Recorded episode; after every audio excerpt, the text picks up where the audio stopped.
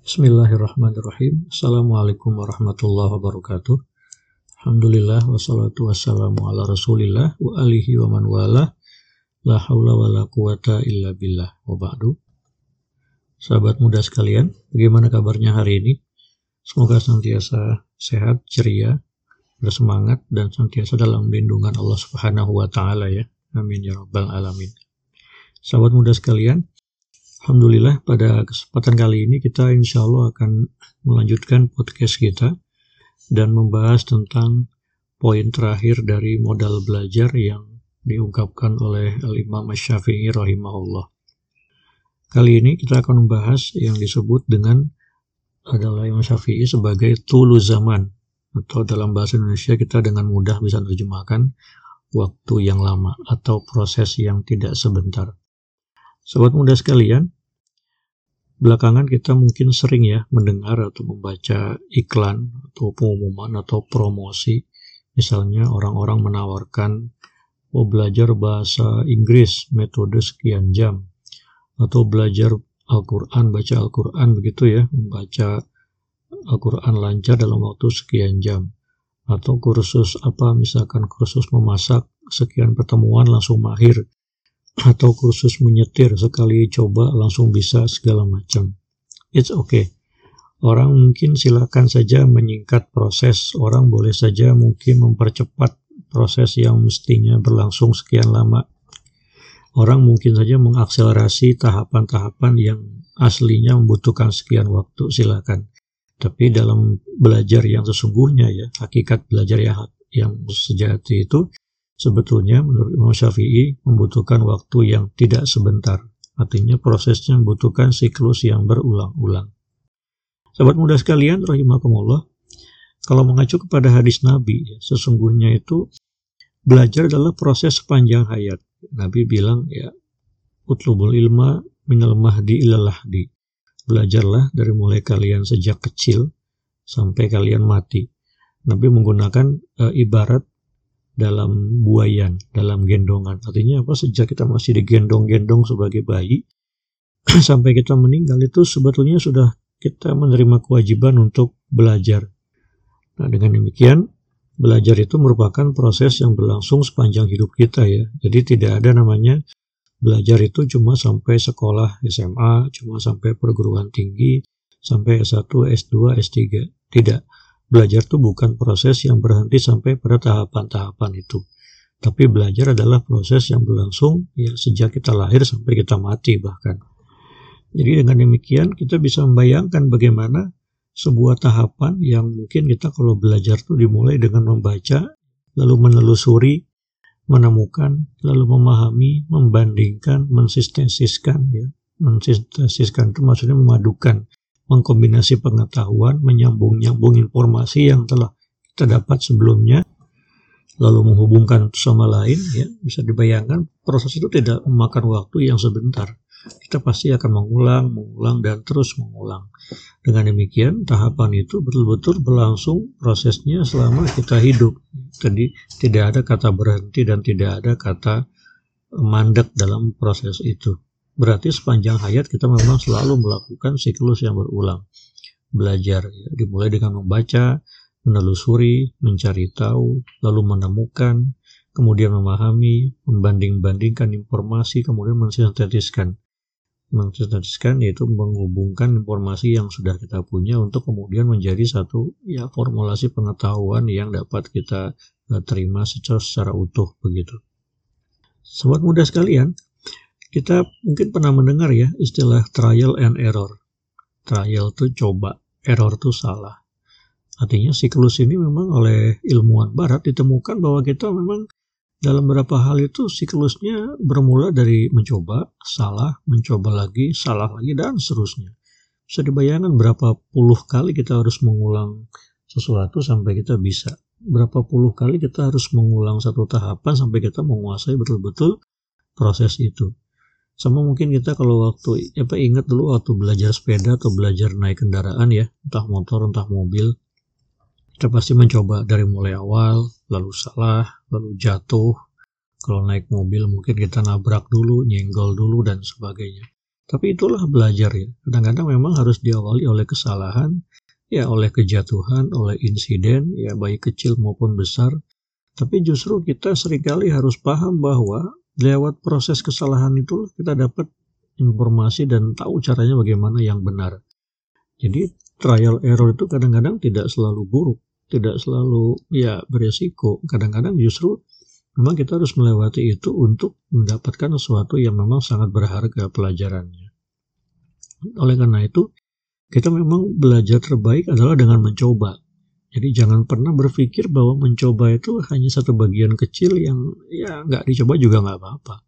Tidak bisa. Justru kita kalau mau mahir, mau segera bisa menguasai, tetap harus mencoba. Karena apa? Dengan mencoba kita tahu hasilnya. Sama kayak kita belajar masak ya tahu resepnya, tahu bahannya, tahu jadinya seperti apa kalau di foto. Tapi bisakah kita ya mencicipi masakan itu kalau kita nggak mencoba masaknya? Ya nggak bisa. Kita belajar naik sepeda, nggak mencoba, ya bagaimana akan bisa? Sama dengan belajar. Kalau kita nggak menempuh pendidikan, nggak sekolah, nggak kursus, nggak belajar, ya nggak ikut ya proses pendidikan apa pun baik formal maupun non formal ya kita tidak akan sampai pada pengetahuan Ya, jangankan bisa, tahu aja mungkin enggak gitu ya. Jadi itulah kenapa pengalaman itu penting dalam belajar meskipun memang kadang-kadang prosesnya diselingi dengan ya coba salah, coba salah dan seterusnya. Tapi itulah proses yang memang harus kita jalani dan segala konsekuensinya. Sobat muda sekalian, kalau kita belajar ilmu apa pun sebetulnya di dunia ini tidak ada yang statis, tidak ada yang mandek ya ilmu itu selalu berkembang, ada hal-hal baru yang muncul dan kemudian selalu ada ya dinamikanya. Kalau kalian mungkin tahu bagaimana sejarah misalkan telepon seluler ya. Sekarang itu kan telepon seluler ya layarnya lebar, pakai layar sentuh, jadi kita tidak perlu untuk mengetik misalnya perlu keyboard yang sifatnya fisik. Bayangkan zaman dulu orang membuat telepon seluler itu ya sekadar buat komunikasi seperti gagang telepon yang kita biasa lihat ya zaman dulu telepon konvensional kemudian ya mesinnya diganti menjadi nirkabel jadi orang ke mana-mana bawa telepon ya besar sekali ukurannya lalu ada nomor untuk ditekan lalu kemudian terhubung dengan ya orang yang kita tuju lalu kemudian telepon berevolusi menjadi semakin kecil semakin kecil tapi fungsinya ya masih sebatas untuk komunikasi lisan Lalu muncul fungsi berikutnya misalnya untuk mengetik. Dulu ada namanya SMS ya, Short Message Service, layanan pesan pendek. Ya pada waktu itu mengetik itu juga makan waktu karena tombol ponsel tuh cuma sekitar ada 11 lebih kurang ya 9 untuk mencet nomor ya 0 tambah kombinasi 0 plus ya tombol-tombol yang berfungsi untuk tekan kalau sekarang enter atau no yes atau no begitu ya kemudian berevolusi dan seterusnya sampai hari ini dan kita entah belum akan tahu bagaimana telepon seluler ke depannya teknologinya akan seperti apa. Dulu orang harus mengetik misalnya butuh komputer. Untuk menelpon ya butuh telepon. Untuk mengirim berita butuh faksimili. Untuk mendengarkan radio ya siaran-siaran suara orang butuh radio. Untuk menangkap siaran visual orang butuh TV. Nah sekarang Ponsel itu ya merangkum semua, telepon bisa, ketik pesan bisa, nonton TV bisa, dan semua mua tercakup. Bahkan beberapa fungsi dasar komputasi sudah dicakup oleh telepon seluler. Nah itulah hal-hal baru yang berkembang dan manusia seakan-akan tidak pernah puas. Ya, bahkan ketika sampai kepada suatu penemuan, dia pasti akan lanjut kepada penemuan berikutnya, dan seterusnya. Itulah ilmu yang selalu berkembang ya. Jadi kalau kita punya ilmu, punya kemampuan, punya kapasitas, punya pengetahuan, kita biarkan itu mandek dalam diri kita pada suatu tahap tanpa kita belajar berkembang dan mengembangkan semua pengetahuan kita, ya kita akan menjadi orang-orang yang statis. Pada prinsipnya tidak ada ilmu yang stagnan, ya tidak ada ilmu yang diam. Yang ada adalah orangnya atau pembelajarnya yang stagnan. Jadi kalau orang sudah tidak mau belajar lagi, ya dia pasti akan statis dan kemudian mati. Sementara ilmu itu ya kalau dikembangkan terus tidak ada selesainya, tidak ada ujungnya. Sampai kiamat pun istilahnya ilmu itu akan terus berkembang. Nah artinya apa? Kalau kita ingin belajar sesuatu, ya prosesnya pasti akan lama. Kalau kita mengikuti terus menerus perkembangan keilmuan, ya kita pasti tidak akan pernah puas bahwa ternyata kemudian di balik satu penemuan akan ada penemuan-penemuan lain yang lebih jauh, lebih luas, bahkan lebih mendalam.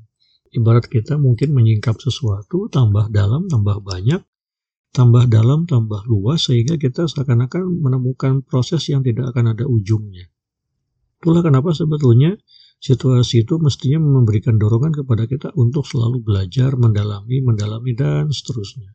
Sampai kemudian kita sampai ke tahap yang paling tinggi atau paling dalam yang ingin kita capai. Namun demikian ya, pada proses perkembangan keilmuan, ya ilmu tidak berkembang sendiri. Ada orang-orang yang memang berdedikasi mengembangkan uh, keilmuan dengan segala ya fokus dan tujuan mereka kalau kita mengikuti satu perkembangan keilmuan misalnya ya, itu pasti akan banyak variasi-variasi yang kita temukan. Contoh, kalau kita masuk ke dunia kuliner misalnya, apa tren makanan untuk tahun 2021 ini? Ya pasti ada dong chef-chef ternama yang membuat tren, menciptakan ya hal-hal baru, lalu kemudian wah populer, viral dan seterusnya. Nah, orang-orang yang menemukan ide biasanya menjadikan momen itu sebagai suatu pijakan. Ah, orang sudah buat ini, saya harus bikin ini, saya harus menginovasi ini, saya harus mengkreasi ini dan seterusnya. Jadi perkembangan dinamika keilmuan lewat orang-orang itu sebetulnya juga membantu kita untuk menemukan hal-hal baru, untuk mencoba hal-hal yang mungkin ya bisa lebih baik dan lebih brilian daripada temuan-temuan orang sebelum. Dalam hal ini saya mau mengingatkan bahwa kita untuk belajar ya tidak boleh terpaku pada sesuatu tidak boleh terpaku pada suatu guru, satu buku saja, satu metode saja, satu jalur saja. Ya, sebaiknya kita belajar itu ya lewat banyak aspek, lewat banyak jalur, lewat banyak guru, banyak buku. Sehingga dengan demikian, untuk kita bandingkan, untuk kita sintesiskan pengetahuan itu menjadi lebih mudah gitu ya. Karena kita menemukan banyak informasi yang kemudian, oh ternyata poinnya ini. Jadi kalau kita belajar jangan ya mandek lah saya pengennya belajar hanya ilmu ini, saya hanya belajar lewat guru ini, saya pengen belajar metode ini saja. Yang rugi kita, karena pengetahuan kita akan terbatas pasti. Itulah kenapa sahabat muda sekalian, orang-orang yang bijak itu adalah orang-orang yang misalnya dia telah lama belajar. Orang-orang yang pengalamannya panjang itu biasanya mereka lebih matang dan lebih taktis dalam mengerjakan apa pun. Sehingga dengan demikian hasil pekerjaan mereka itu menjadi sangat istimewa bahkan luar biasa dibandingkan dengan orang-orang yang hanya mengerjakan sesuatu secara instan. Jadi dalam belajar sobat muda sekalian ya, jangan pernah berpikir bahwa ah saya pengen kuliah hanya empat tahun saja. Oh saya pengen belajar hanya kursus ini saja sekian bulan. Ya memang prosesnya selesai, tapi perjalanan keilmuan ini tidak bisa berhenti sampai di situ kita mungkin kuliah S1 ya 4 tahun paling cepat atau tiga setengah tahun atau paling lama ya 7 tahun lah. Bisa sampai kelamaan ya. Di situ ya kita sudah selesai. Sudah semua mata kuliah diambil semua skripsi sudah selesai dilakukan ya. Penelitian sudah tuntas publikasinya sudah selesai. Tapi apakah ilmu kita akan berhenti sampai di situ? Ya semua berpulang kepada kita kalau kita mau lanjut belajar ya silakan S2 atau kalau mau pendalami keahlian teknis ya silakan kursus atau ambil pendidikan yang sifatnya profesional dan seterusnya.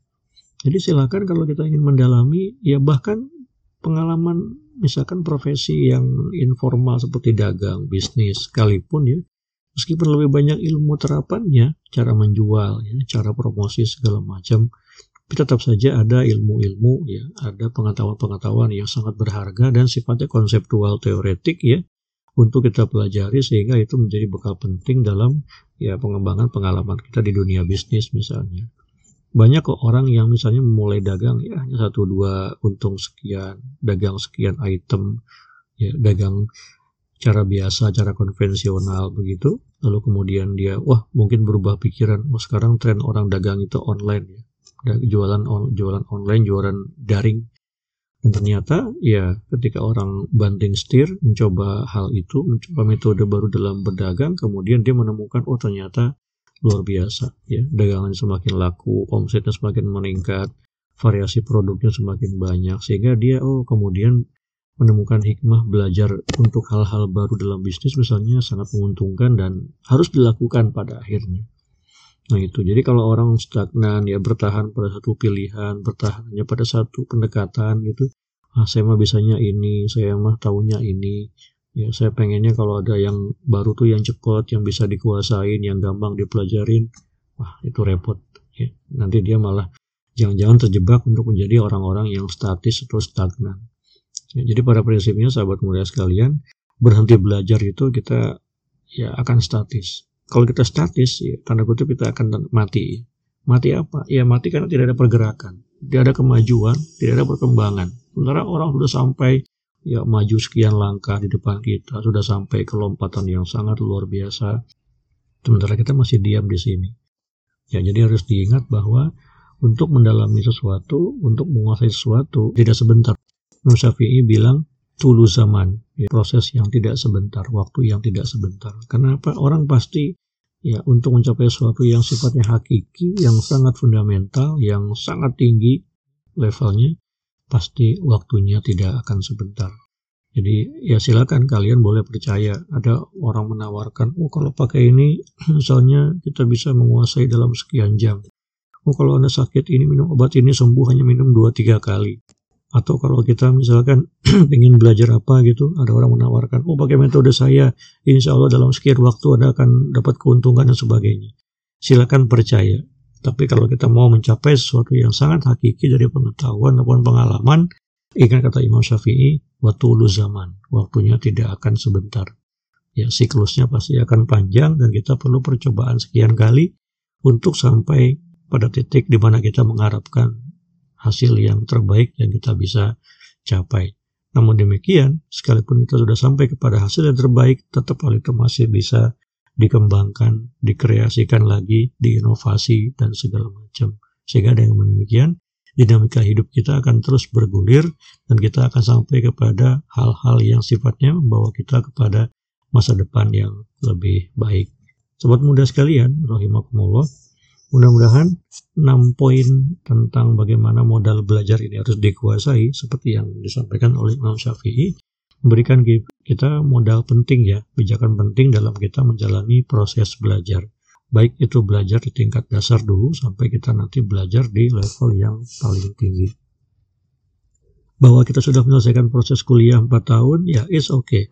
Bahwa kita sudah selesai kursus sekian bulan, is okay Ya, tapi kemudian ilmu itu bisa berkembang dengan ya dua kemungkinan. Yang pertama kita belajar lagi untuk menemukan hal-hal baru atau kita mengembangkan pengalaman untuk mencapai ya hasil-hasil yang akan lebih baik dan lebih luas daripada pencapaian kita sebelumnya. Ada pepatah dalam bahasa Inggris mengatakan even the best can be improved. Ya, meskipun hal itu sudah sangat baik atau bahkan yang terbaik, tetap saja masih bisa dikembangkan dan ditingkatkan kembali, bisa diimprovisasi lagi untuk kemudian bisa memberikan sesuatu yang lebih. Jadi sahabat muda sekalian, pesan utama dari Imam Syafi'i melalui enam ini adalah kita harus ya melengkapi diri kita dengan enam modal itu untuk mencapai pengetahuan atau ilmu yang lebih baik dan lebih luas. Sehingga dengan demikian kita tidak menjadi ilmuwan yang tanggung, tidak menjadi profesional yang abal-abal, tidak memiliki pengetahuan yang setengah-setengah, ya, tetapi utuh, luas, mendalam. Kecakapan kita ya betul-betul memadai, profesionalisme kita betul-betul memenuhi standar, bahkan di atas standar rata-rata, dan kemudian dengan modal atau bekal itu, kita dapat menjalani proses kehidupan dengan lebih baik dan lebih menguntungkan ke depannya. Amin ya Rabbal Alamin. Demikian ya podcast kita pada kali ini untuk menuntaskan bahasan tentang enam poin modal belajar dari Imam Syafi'i rahimahullah. Terima kasih atas kesediaan kalian mendengarkan podcast ini dan mengikutinya. Lebih kurangnya mohon maaf. Assalamualaikum warahmatullahi wabarakatuh.